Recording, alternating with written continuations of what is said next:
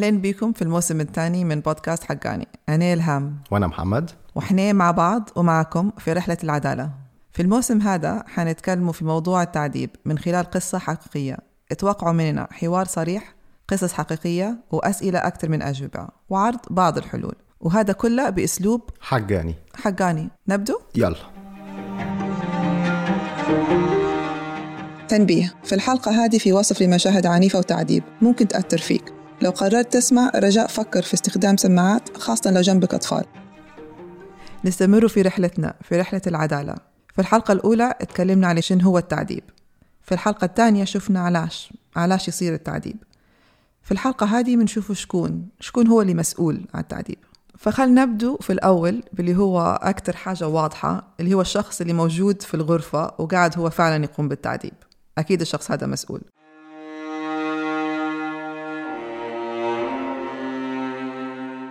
مشينا للمقر متاعهم. العجيب إنه ما كانش بعيد. حسيت إنه في وسط البلاد وهو بالفعل تبين إنه في وسط البلاد.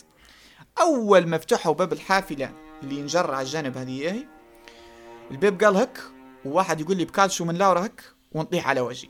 طحت على وجهي في الساحه يتبين لي إن في مجموعة قاعدة تترقب قاعدين بنفسه حتى عن غضبهم. العجيب إن أغلبهم ملثمين لكن تعجبت من شخص واحد بعينه كان عمره تحسك يعطي على خمسين خمسة وخمسين سنة مش صغير ولبس نظارات ولباسه محترم. وكان من أشرسهم ضربا لي. الشخص هذا تحديدا وهم يضربوا فيه أول ما طيحوني قعدوا يضربوا فيه بكلشوات وتنفيس عن الغضب ضرب تنفيس عن الغضب وأنا متكور على الأرض.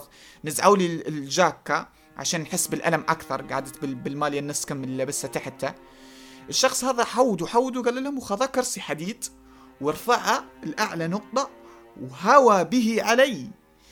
نتذكر أشد ألم حينها كان لما جت ضربة الكرسي كرع الكرسي على رقبتي من لاورا فضل التركينة اللي يقولك ديما ما تضربهاش تحت الوذن. الله العليم إنها جت فيها. جسمي كله شنش حسيت إني شبه انشليت. هذيك لقت فيها صرخة صرخة مدوية يعني. وبعدين أيوه عيط قاعد قاعد يقول لي آه أنت تبيني نعيط معناته أنا بالفعل أنا بدأت بالصراخ. يضربوا ويسبوا وجميع الأديان السماوية تم سبها في تلك اللحظات وسب مبني على. على كوني شرقاوي وعلى كوني جاي من تلك المنطقة الجغرافية وسب. على كوني تابع لحفتر رغم أني من أكبر المتضررين منه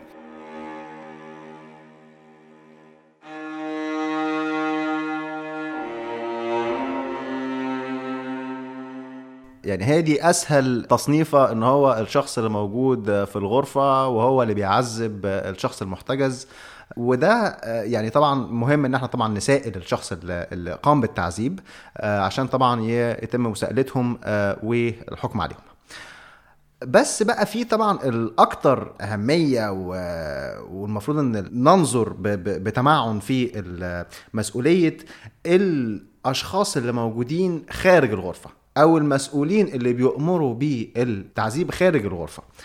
آه، وطبعا ده كان يعني كان واضح مثلا في قضية آه، جوهر إن مش بس الأشخاص اللي هم قاموا بالقبض عليه أو تعذيبه لا. كان في أسلوب ممنهج في التواصل وفي انتقاله من آه، مقر لمقر آخر. وطبعا ده بيورينا من القصة بتاعت جوهر إن في أشخاص آخرين غير اللي كانوا موجودين في الغرفة هم اللي مسؤولين عن تعذيبه. وهذا طبعا مهم لأن لو إحنا هدفنا إن إحنا نبغى نوقفوا التعذيب نهائيا لازم نبدو من الرأس المشكلة من أساس المشكلة. فلذلك إحنا لازم نشوفوا لمن هم اللي يعطوا في الأوامر مش بس من هو اللي ينفذ في الأوامر. يعني اللي عايزين نركز عليه هو الشخص اللي خارج الغرفة. لأن الأشخاص المرؤوسين مش هم اللي بي- بيتبعوا سياسة التعذيب. سياسة التعذيب دي بتيجي من القائد أو من الرئيس. هو اللي بيبقى بيقرر إن مثلا إن هيبقى في سياسة إن هو الشخص من مجرد ما بيخش أي شخص بيخش مثلا مقر الاحتجاز بيتم تعذيبه. فدي سياسة. فمين بقى اللي بيبقى مسؤول عن السياسة دي؟ هو القائد أو الرئيس. ودول طبعا اللي لازم يتم مساءلتهم ومحاسبتهم على ارتكاب جرائم التعذيب. حتى لو جرائم التعذيب ارتكبت من مرؤوسوهم مش منهم شخصيا لأن هم اللي بيؤمروا بالتعذيب. خنخش في موضوع السياسة بعد شوية بس قبلها بنحاول نعطي المستمعين أمثلة على إحنا شن قصدنا لما نتكلموا على القادة أو ال- القيادة. فعندنا مثلا إنه هو يكون رئيس المخابرات هذا الشخص ممكن يعطي أو ممكن يحط سياسة زي هذه في البلاد. أو ممكن يكون رئيس قسم شرطة يكون هو مسؤول أو أو القائد المسؤول. آمر كتيبة من كتائب أو ممكن وزير داخلية. يكون حتى هو مسؤول. بالظبط وفي أمثلة كتير يعني مثلا لو اخذنا أيام القذافي ومبارك. يعني مثلا أيام مبارك كان معروف إن في طبعا هي آه، سياسة اللي هو أي حد بيخش أمن الدولة بيتم تعذيبه. أيام القذافي آه، ممكن آه، تفكريني إلهام كان إيه هي بمثابة أمن الدولة في ليبيا في الوقت ده في وقت القذافي؟ الأمن الداخلي. آه فالأمن الداخلي مثلا ده كان أي حد بيخش كان بيتم تعذيبه. في سياسة إن هو أي حد يخش لازم هيتعذب وهنتكلم زي ما قلتي على السياسة في آه، بقية الحلقة. خلينا نتكلم على السياسة توا. لما نجي نفكروا فيها شن معناها لما نكون في منهجية؟ لما نجي نتكلم إنه هو يكون بطريقة ممنهجة شن معناه المصطلح هذه؟ لأن لازم نفهم موضوع المنهجية مش نقدر إحنا نعالجوه أو إن إحنا نقاوموه. تمام. وفي جزئية اللي هي الولايات المتحدة الأمريكية بتتبعها كمثال مثلا إن التعذيب أوكي ده بيبقى سياسة ممنهجة من قبل الولايات المتحدة الأمريكية. بس اللي بيرتكب التعذيب مش هم الموظفين الأمريكان لا. في مثلا أمثلة اللي هو آه، أمريكا مثلا بتسلم شخص لمصر أو لمثلا آه، آه، المغرب أو هكذا والسلطات هناك هي اللي بتقوم بتعذيب الشخص. فبالتالي الولايات المتحدة الأمريكية أو الموظفين الأمريكان بيحاولوا إن هم يبعدوا مسؤولية التعذيب عنهم ده مبدئيا.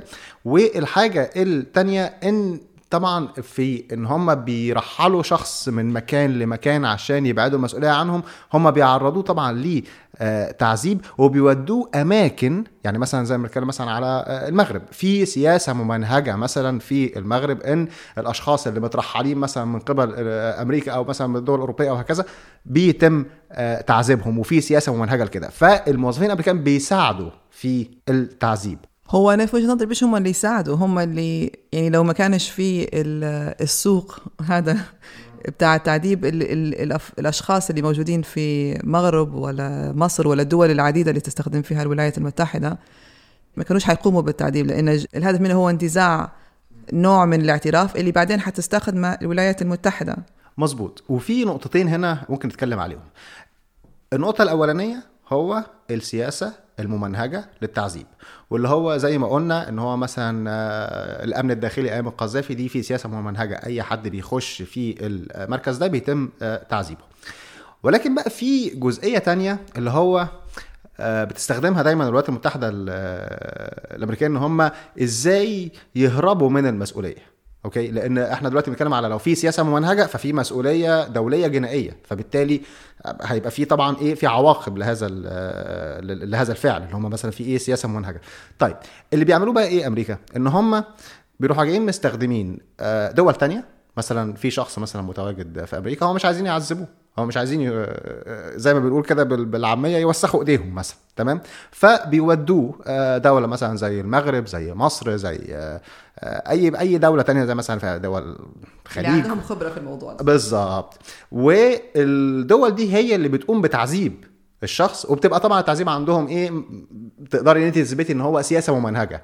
ف ده بيبقى طريقة إن هم يهربوا من المسؤولية الموظفين الأمريكان إن هم ما بيبقوش مسؤولين على التعذيب إن بيبقى إيه الدولة دي هي اللي تبقى مسؤولة عن التعذيب. وفي نفس الوقت الأمريكان ياخدوا الاعترافات اللي هم عايزينها والمعلومات اللي هم عايزينها بناء على التعذيب اللي قامت بيه الدول الثانية وإحنا طبعا شفنا في يعني عدة حالات إنه يكون مثلا شخص موجود وهم الضح... يعني ضحايا التعذيب أو الناجين من التعذيب يقولوا أنا لما كنت أتعذب نسمع في واحد لهجة أمريكية موجود في الغرفة لكن ما نعرفش علاش هو موجود في الغرفة. فهذا برضه يثبت إن في في نوع من الصلة أو على الأقل في نوع من يعني العلاقة بين اللي قاعد يصير في الغرفة واللي قاعد يصير خارجها مرات في قارة تانية مرة واحدة.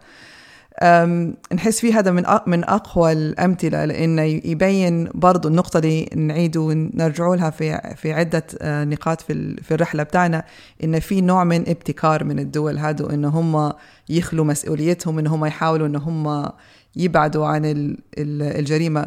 وهذا يثبت إن هم فاهمين بالضبط شنو هي مسؤوليتهم. فالابتكار الخبيث هذا يعني رهيب مرات.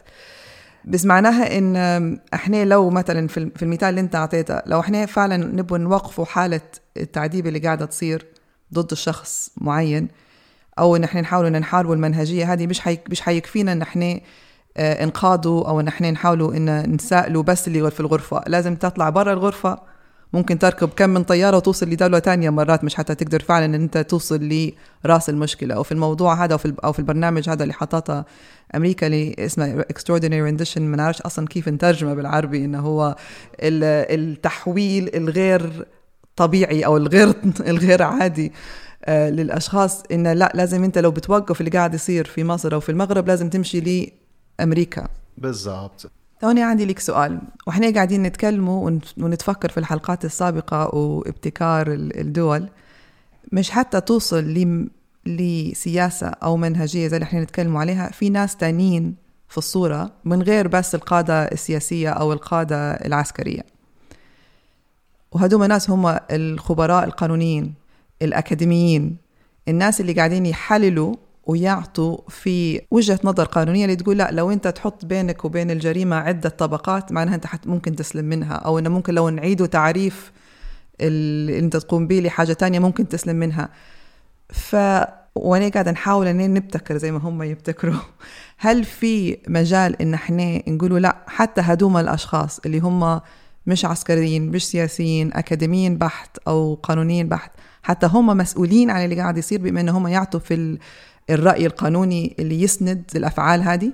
هو سؤال ممتاز بس ما هو في الحالة دي هو الأكاديمي ده لا هو بيحرض على التعذيب ولا هو بيقوم بالتعذيب هو بيفسر قانون يعني اللي أنا بتكلم فيه إن أنا مش متأكد يعني إحنا ما نعرفش طبعا لازم يعني كل كل حالة لازم تدرس على حدة بس بغض النظر عن المسؤولية هو الدكتور أو اللي هو الأكاديمي اللي بيفسر للحكومة الأمريكية إن هو تستخدم كذا وكذا وكذا عشان ده لا يرقى إلى التعذيب ده المفروض يعني طبعا في أساليب تانية يعني غير مساءلته ما ممكن يتفضح إن هو مثلا بيساعد السلطات الأمريكية انها تقوم بالتعذيب اللي هو أصلا شغله المفروض إن هو يكون بيمنع التعذيب أو بيفسر لمنع التعذيب لكن هو بيشتغل عشان يسهل التعذيب.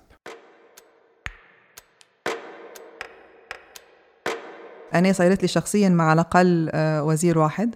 لما أنت تقدم له ولا تسأل على حاجة يقول لك لا والله الأماكن الاحتجاز هذه مش تحت سيطرتنا أو أنا ما كنتش نعرف إن هذا يصير في الأماكن الاحتجاز هذه أو آه، إن تعرفوا الوضع في ليبيا صعب شوية فإحنا قاعدين نحاولوا الأعمال مش بالنيات في الموضوع هذا. أنت لو أنت شخص مسؤول وفي أماكن احتجاز تحت السيطرة بتاع الوزارة بتاعك فيها أفعال ممكن ترقى للتعذيب أنت مسؤول سواء تعرف فعليا أو مفروض أنك أنت تعرف.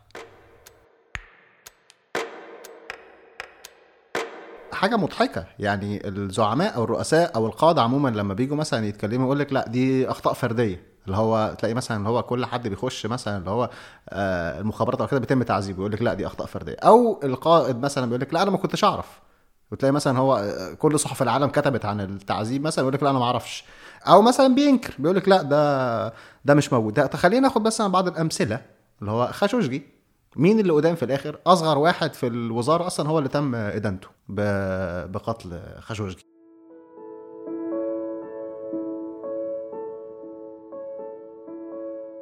أهلين. جوهر علي شاركنا بقصته اللي بيها سلطنا الضوء على الانتهاكات والجرائم البشعة اللي قاعدة تصير يوميا في ليبيا. على يدين الجماعات المسلحة واللي ما زالت تتمتع بإفلات تام من العقاب. فريق محامون من أجل العدالة في ليبيا يخدم على كشف الحقيقة وجبر الضرر وفي بعض الحالات التقاضي باسم ضحايا انتهاكات حقوق الإنسان زي التعذيب. وهذا حسب نوع القضية وتوفر الأدلة. وهذه هي الخطوات العملية المتوفرة حالياً. فلو أنت أو حد من عيلتك تعرض للتعذيب في ليبيا وتبي مساندة في قضيتك أو قضيتهم تقدر تتواصل معنا على الرابط اللي موجود في وصف الحلقة أو تراسلنا على صفحتنا على الفيسبوك. محامون من أجل العدالة في ليبيا at Libyan Justice. وللتنبيه ما تبعتش أي معلومات شخصية أو حساسة في مراسلتك. أوكي؟ خلنا نرجع للحلقة.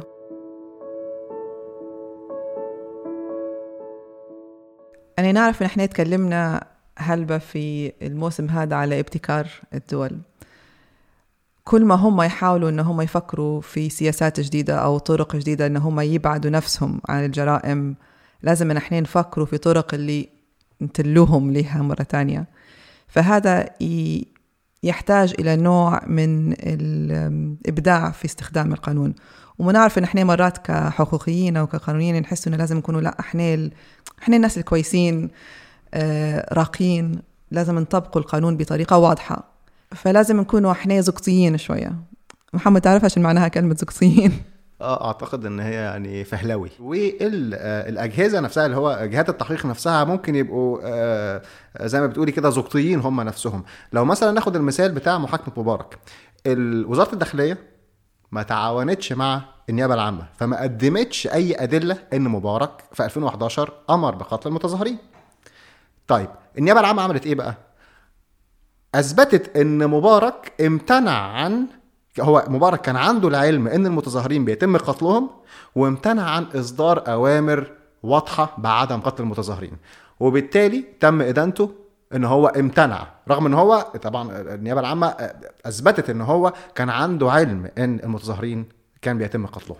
فهو طبعا في فهلوة برضو الجهات التحقيق ممكن تستخدمها لما يحبوا وطبعا مش حتى نقعدوا إيجابيين في المثال هذا حنفوتوا إن ال 15 سنة اللي انحكمت عليه ما صارش منها. آه بغض النظر طبعا عن إيه اللي حصل بعد كده.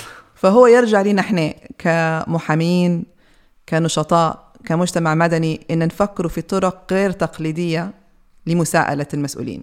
فزي ما أنت قلت لو مرات ما نقدروش نثبتوا إن هم اعطوه الأوامر نحاولوا إن نثبتوا إن هم ما وقفوش الانتهاكات أو إن هم كانوا على علم ومختوش الخطوات المفروضة لإيقاف الفعل. فهذا يرجعني للموضوع تكلمنا عليه في حلقة ثلاثة اللي هو على موضوع الضمانات. كل اللي صلة ببعضها الموضوع هذا كله مش يعني كل جزئية بروحها. فمثلا لو إحنا مش قادرين نثبتوا إن الشخص قام بالفعل نقدروا نثبتوا إن هو الشخص ما وقفش الفعل وهو عليه مسؤولية إنه هو يحمي مش بس مش بس إنه هو ما يقومش بالفعل إنه هو عنده مسؤولية حماية المواطنين من الأفعال هذه وهو فشل في الحماية. مظبوط. وساعات يعني هم طبعا بيجي يقول لك لا أنا ما أعرفش أو أنا ما أعرفش عن الانتهاكات بس هو في كذا بقى طريقة ممكن إن هم نقدر إن إحنا نعرفهم آه، بالانتهاكات اللي بتحصل. طبعا أول حاجة زي مثلا ما الأمم المتحدة بتعمل في أي مثلا آه، في اللي هو الجهات الشبه القضائية في الأمم المتحدة اللي هو لازم مثلا لو أنا عارف قضية لازم بتبعت للحكومة عشان تعلمهم إن في الانتهاك ده مثلا آه، ارتكب. بس إحنا بالنسبة لنا ك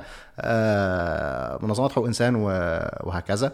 آه، عندنا كذا طريقة إن إحنا ممكن نبعت لهم آه، جوابات. آه، ممكن نعمل زي حملات على وسائل التواصل الاجتماعي ونعمل لهم mention. يعني مثلا لو مثلا بنتكلم على رئيس الوزراء الليبي أو بنتكلم مثلا على رئيس دولة معينة أو هكذا. ففي كذا طريقة إن إحنا نعرفهم. وسيبك أصلا من الكلام ده كله بس هم يعني ال... يعني كان في موقف مضحك في إحدى مثلا كنت بشتغل في إحدى الدول مثلا okay وكنت عايز أبعت فاكس بالتقرير اللي إحنا كتبناه وفي انتهاكات طبعا اللي تم اللي هو تم توثيقها في الدولة دي. فالفاكس مش شغال فبكلم ال... كانت وزارة الدفاع فبكلم وزارة الدفاع فرد عليا العسكري. فبقول له الفاكس مش شغال؟ قال لي لا هو حضرتك عايز تبعت فاكس عن إيه؟ قلت له عن تقرير. قال لي طيب تقرير عن إيه؟ آه عشان على هذا الأساس أنا هفتح لك الفاكس. فإيه اللي هو إيه؟ هو عنده تخيلي إن اللي هو الموظف ده واخد أوامر إن هو ما يستقبلش فاكسات غير لما يعرف الفاكس جاي عشان إيه. وفي الموضوع هذا تويتر يعتبر صاحبنا يعني كل ما نشوفوا حاجة أو كل ما نطلعوا تقرير نديروا منشن ونديروا إضافة للشخص المسؤول مش حتنقول فلان قعدت يا فلان الفلاني هذا قاعد يصير في بلديتك وهذا قاعد يصير تحت ال ال الأجهزة بتاعك. مش حتى يكونوا على علم باللي قاعد يصير. مش حتى لما المرة الجاية يجوا يقولوا لنا إحنا ما نعرفوش نرد عليهم جربوا غيرها.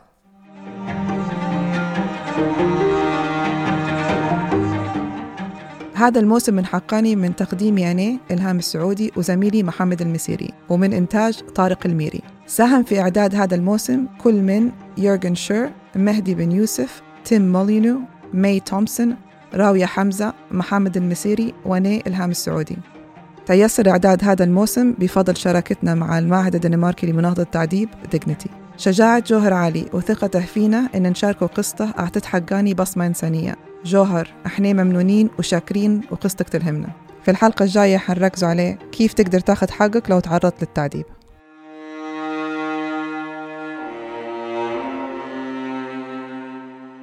فالدمار النفسي هذا هو ما يشعر به غالبية السجناء وربما حالتي في محاولة التكيف مع الوضع أيا كان لا يقاس عليها كثيرا وربما أنا بس ندعي التكيف مع الوضع ربما لو مكثت فترة طويلة كنت حننكسر أنا أيضا الله أعلم ربما أنا أدعي القوة.